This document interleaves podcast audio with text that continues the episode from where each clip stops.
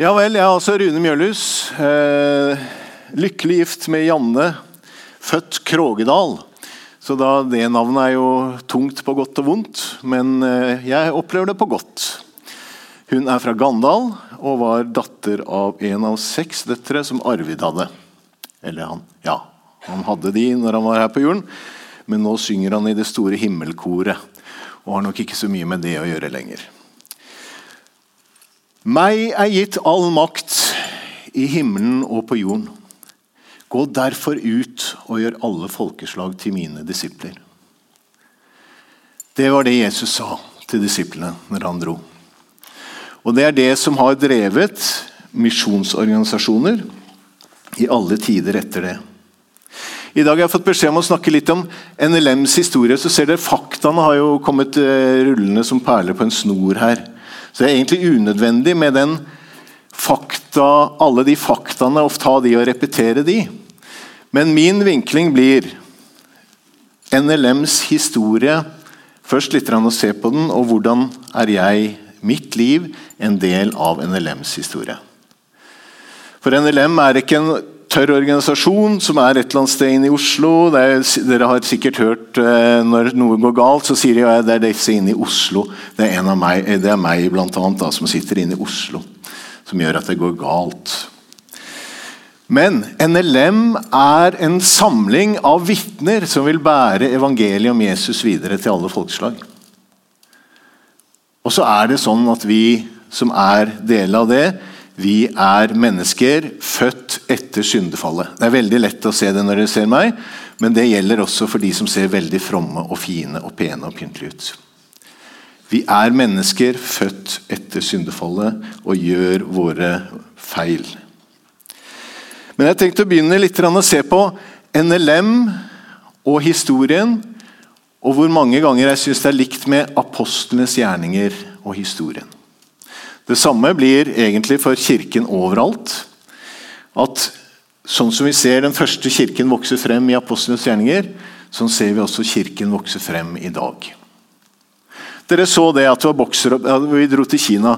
Jo, for det første syns jeg det er enormt sterkt å se.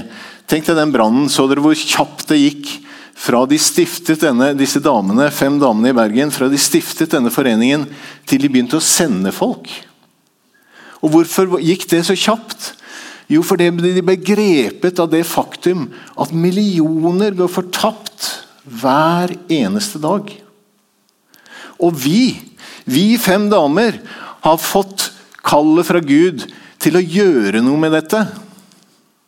Hadde fem stykker her i foreningen sagt at nå skal vi pinadø sende folk hit eh, til eh, Varhaug, unådde feltet Varhaug så, og Det er jo ikke noe sånn voldsomt steg, vil jeg si. da. Det er ikke veldig langt, det er ikke veldig dramatisk.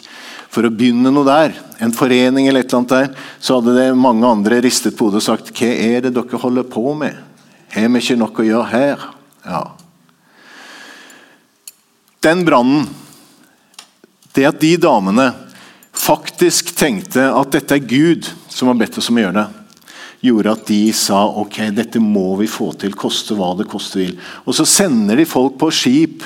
Jeg vet ikke om du så den prikken, hvordan den gikk. Det var ikke, det var ikke noe småting. Noen ganger tenker jeg det var en fordel når det tok lang tid å komme ut i feltene, for man fikk tid til å tenke på hva man skulle til, enn nå når vi bare har en dagsreise med fly. Men likevel, det var dramatisk. De hadde ikke noe kommunikasjon hjem igjen. Men der begynte det.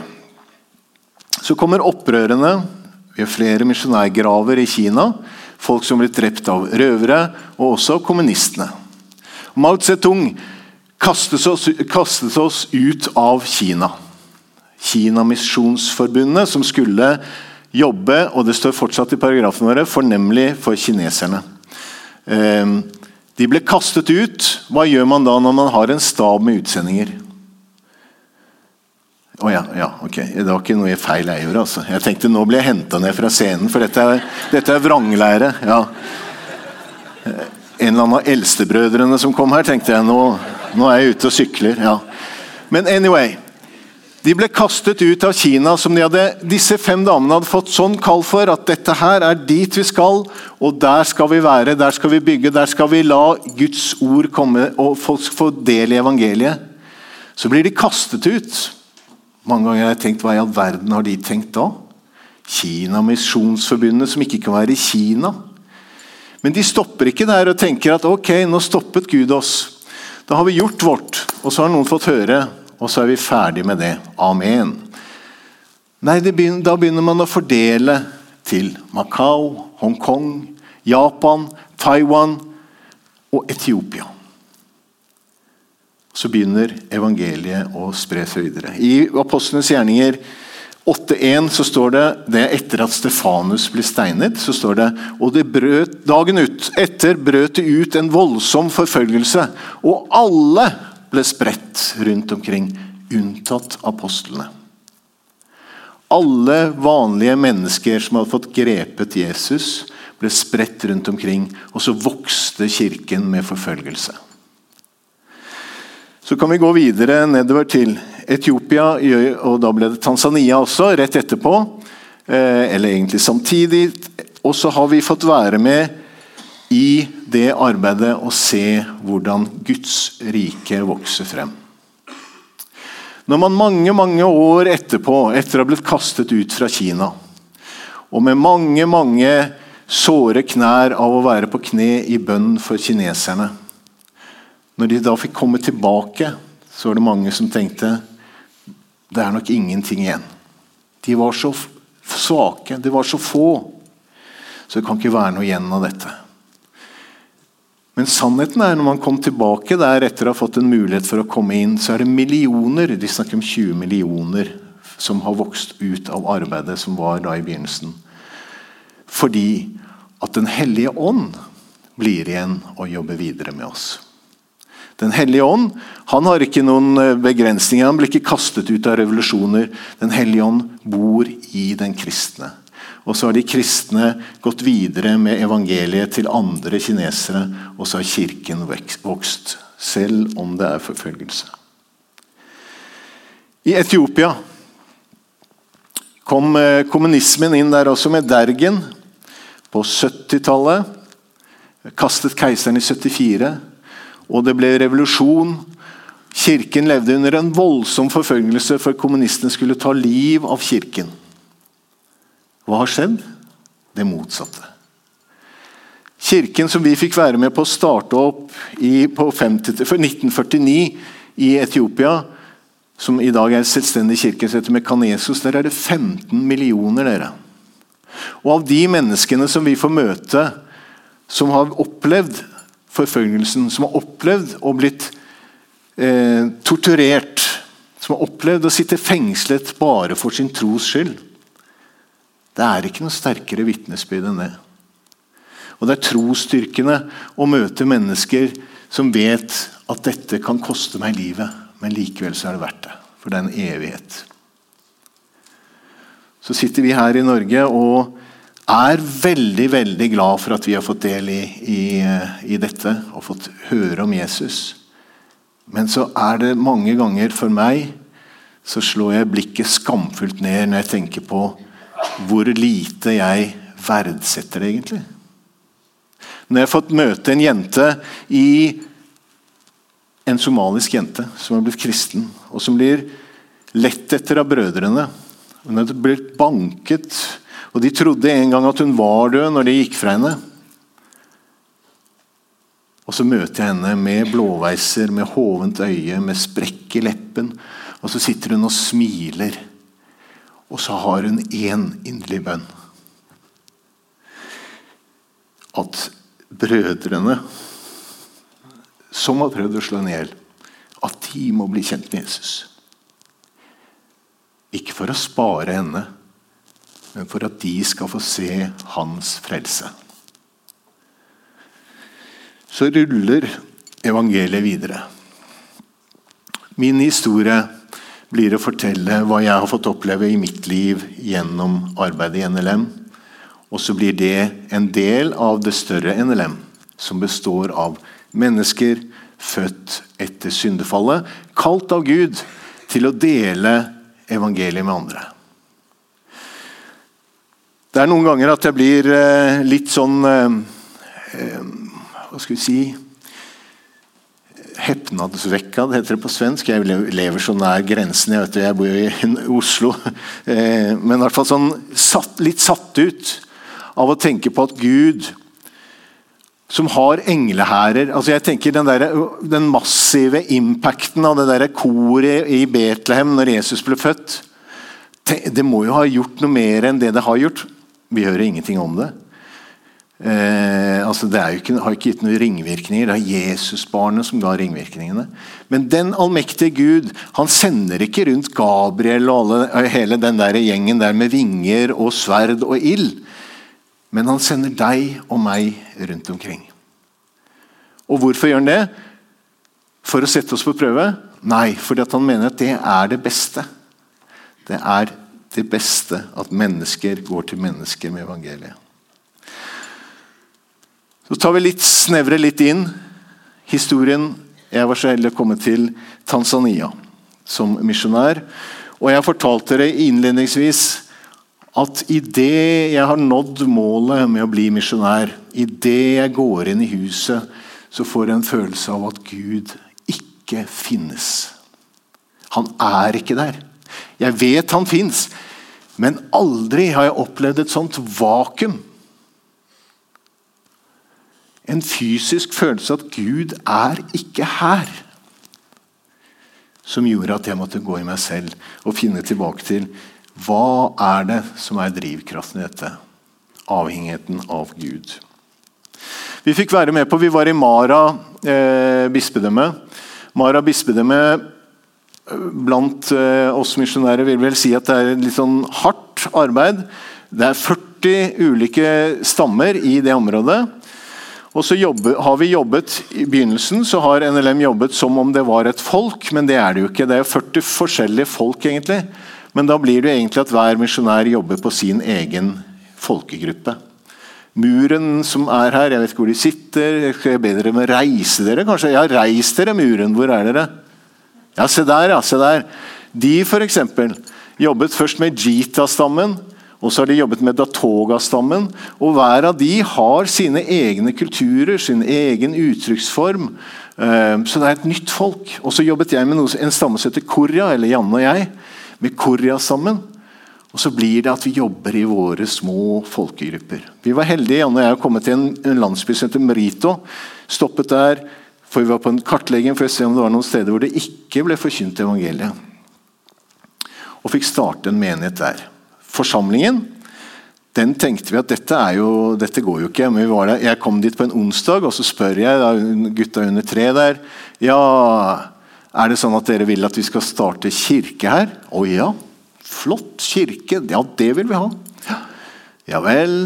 Så eh, hvordan, Når tenker dere liksom vi skal starte med det? da? Jeg, jeg sa at jeg, ikke, jeg, kommer ikke med skole, sykehus og alt det der, den greia der. Det er kirke. Det er å fortelle evangeliet, fortelle hvem Jesus er. Ja, Det er helt greit. Kom med det. Bring it on. Ja, Når skal vi begynne med dette? da? Når skal jeg komme ned, og så kan vi begynne å snakke mer om det? Nei, dette var en onsdag. Så sier han Joseph, som heter, eller Matoke, så sier han ja, det er onsdag i dag. Er det ikke søndag vi pleier å ha møter? Jo. Ja, søndag, da, sier han. Ok. Så tenkte jeg at er jo, det skal jo planlegges, det skal alt mulig sånn, men jeg kan ikke si nå at nei, nei, nei, nå må vi begynne å planlegge, og dette må vi legge til rette for, osv. Søndag kommer vi ned. Janne, de to barna våre, i bilen.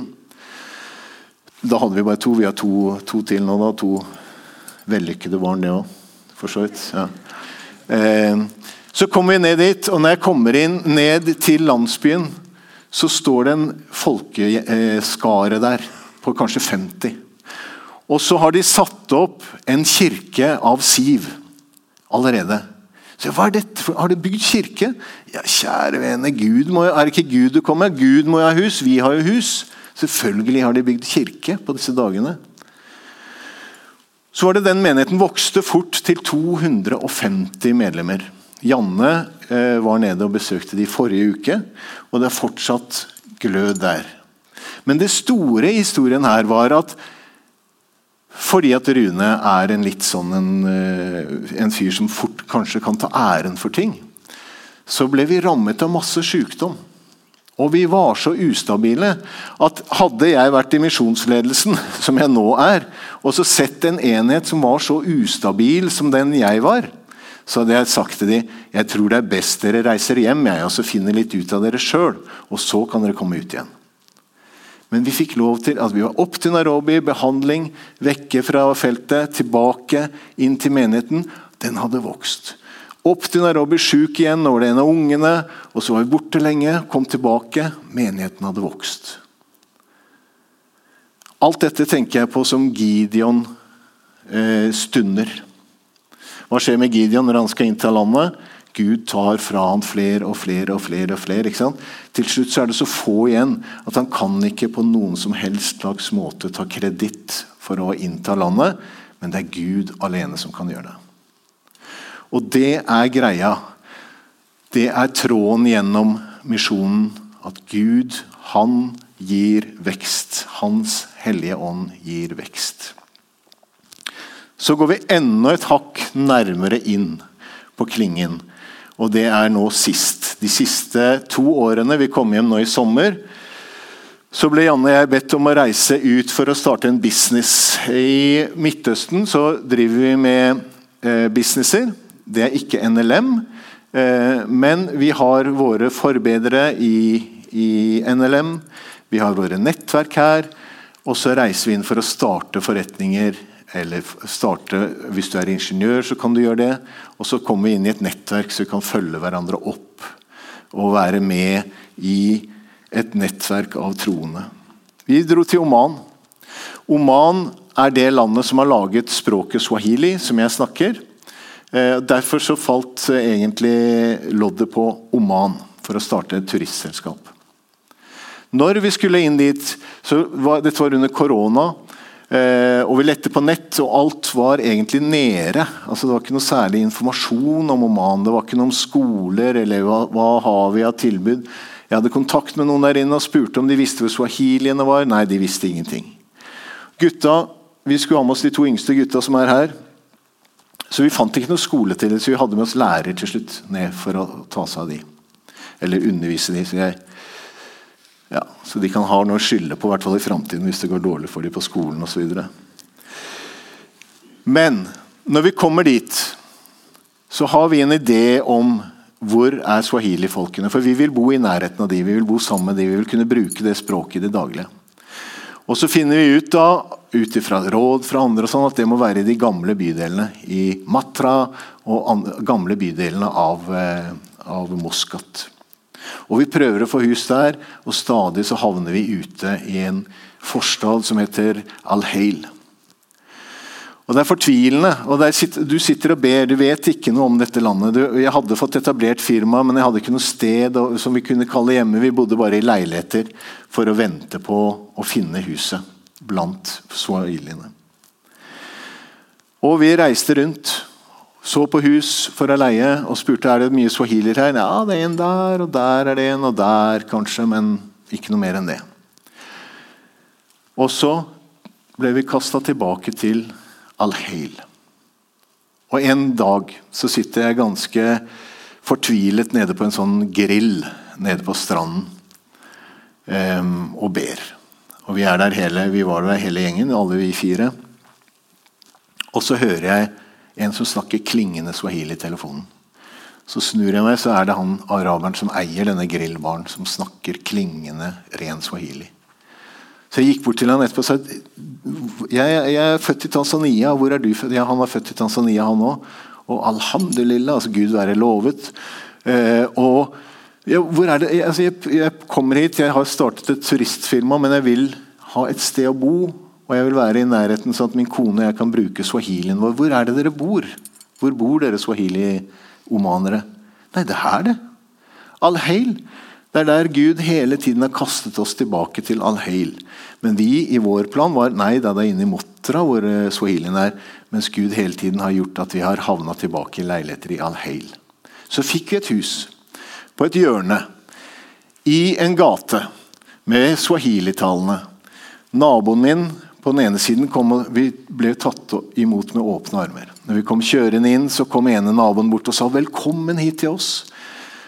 Hvis det er noe som helst problemer, hvis dere lurer på noe, så bare si ifra. så skal vi, vi er, Jeg bor der.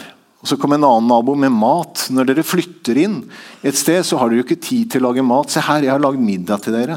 Velkommen til oss.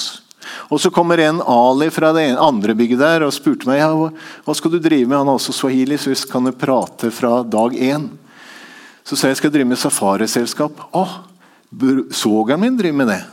La meg gi deg telefonnummeret.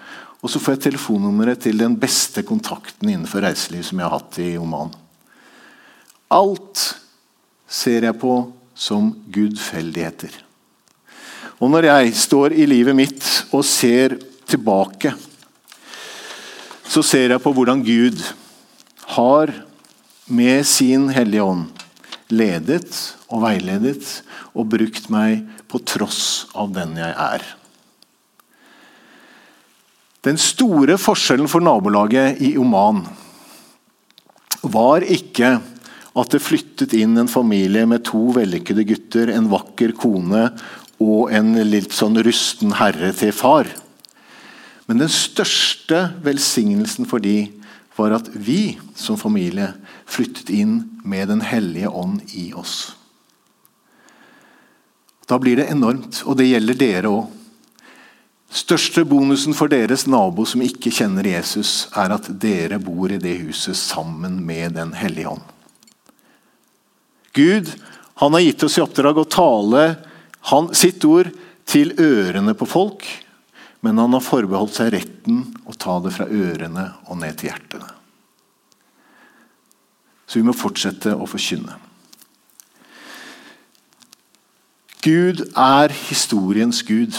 Apostelens gjerninger 1,8 så står det og dere skal få kraft i Den hellige ånd kommer over dere, og dere skal være mine vitner i Jerusalem og Judea og Samaria og like til jordens ender disse ågene som er fra grunnteksten, og, og, og, og, viser at det er samtidig. Vi skal ikke gjøre oss ferdige her. Vi kommer aldri til å bli ferdige i Norge. Vi kommer aldri til å bli ferdige noe sted. Når det vokser opp kirker, så er misjonen sitt oppdrag å gå videre til unådde mennesker. Men det vil alltid være igjen en kirke som fortsetter å forkynne Guds ord til naboene, akkurat som dere her i Klepp. Fokuset vårt er på unådde folkeslag fordi at Jesus sier i, i Matteus 24, 14, at og dette evangeliet skal forkynnes til alle folkeslag, og så skal enden komme. Med at vi er med på å sende ut folk til stadig nye folkeslag, så er vi også med på å fremme Guds gjenkomst. At Jesus kommer igjen for å hente sine. Så må vi sende Det tenker jeg er eksistensgrunnlaget vårt. Den dagen Misjonssambandet slutter å sende utsendinger, slutter å sende brødre og søstre til andre folkeslag, så er eksistensgrunnlaget over. Da må sistemann som går ut fra hovedkontoret, slukke lyset. For det ligger i misjonens natur at vi hele tiden skal utvide teltplassen til Gud. At vi hele tiden skal nå nye mennesker, at vi hele tiden skal jobbe mot at alle mennesker må få et valg. Og det er ikke kulturimperialisme, det er å gi mennesker et reelt valg. Hvis du vokser opp i en animistisk kultur, hvis du vokser opp i en muslimsk kultur, så har du ikke hørt om Jesus mange ganger. Inntil noen kommer og forkynner om det. Da kan du få et reelt valg om å velge Jesus eller la han være. Og Det er ikke til å stikke under stol at det er krevende nå i den fasen vi er. Jeg, jeg, så, jeg, er østlending, og jeg vet at dere på, i Rogaland ikke har sånn voldsom tru på østlendinger. Men det er noen snille mennesker her på, i Rogaland som tar seg av oss østlendinger når vi er her. Så vi greier oss. Når jeg var liten, så talte min far på UL i Jeg tror det var på Vigrestad. Det var UL da. 82, tenker jeg. Eh, og Da var det en snill bonde som heter Gustav Nordvarhaug, som tenkte at ja, denne her austlendingsmisjonærbarn Pjokken kan vi nå alltid gjøre noe godt for. Så jeg fikk lov til å jobbe som avløser hos han i to uker. For han og Marit skulle på ferie, og så skulle Magnar og Tormod drive gården. Og så skulle jeg liksom være med på det. Jeg vet jo at jeg var ikke særlig til nytte. Jeg ødela en del ting, men det har vi ikke snakket om. Men i hvert fall Misjonen i dag er å rydde land. Når vi skulle ta over liksom, gårdsdriften, så tok han, eh, han Gustav kjørte oss ut gjennom de flotte jordene sine, og så kjørte han ut til et sted hvor det lå masse rullestein og skrammel på en sånn eh, parsell der. Og Så kommer vi ut av bilen, så står vi langs denne Volvo herregårdsvognen, vi tre gutta og Gustav der. Og så sier han ja, gutta, det her skal dere rydde når jeg er borte. Og jeg lo. Og så ser jeg på, på Tormod og Magnar, og de var grav alvorlige og grå i ansiktet. De skjønte det er det vi skal.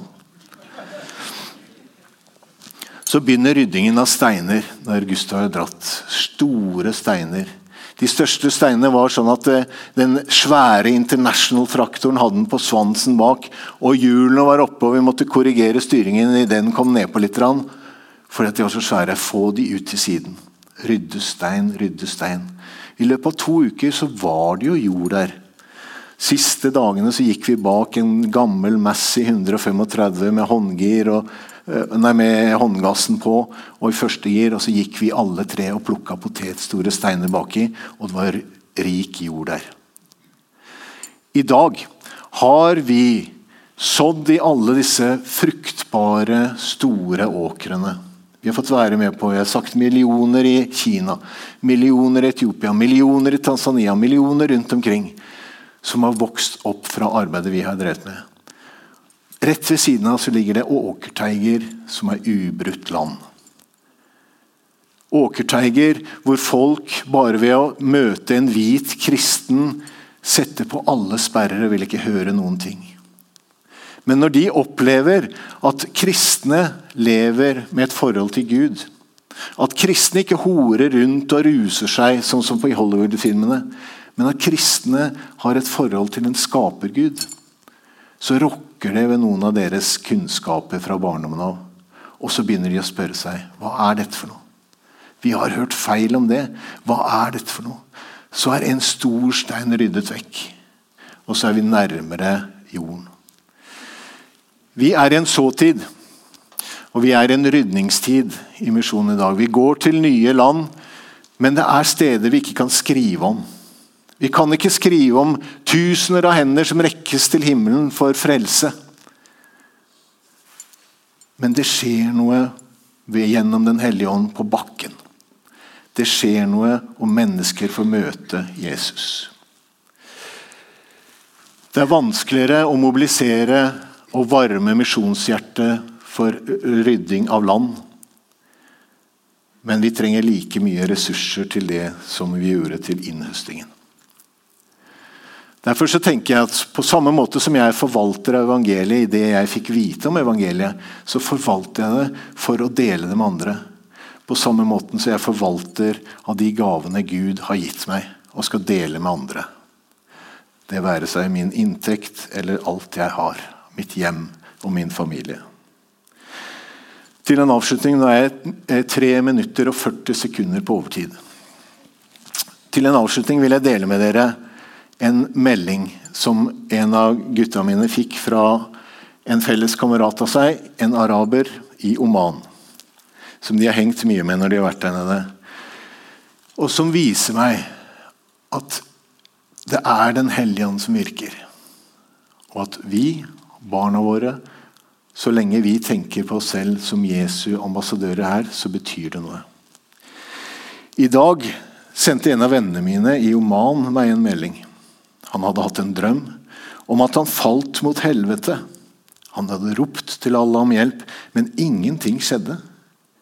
Da hadde han sett en hvit due eller en engel som bar han opp. Etter denne drømmen hadde han tenkt mye på kristendommen. Så kom den samme drømmen igjen. Denne gangen spurte han hvem er du? Og han svarte med en snill, men skummel stemme.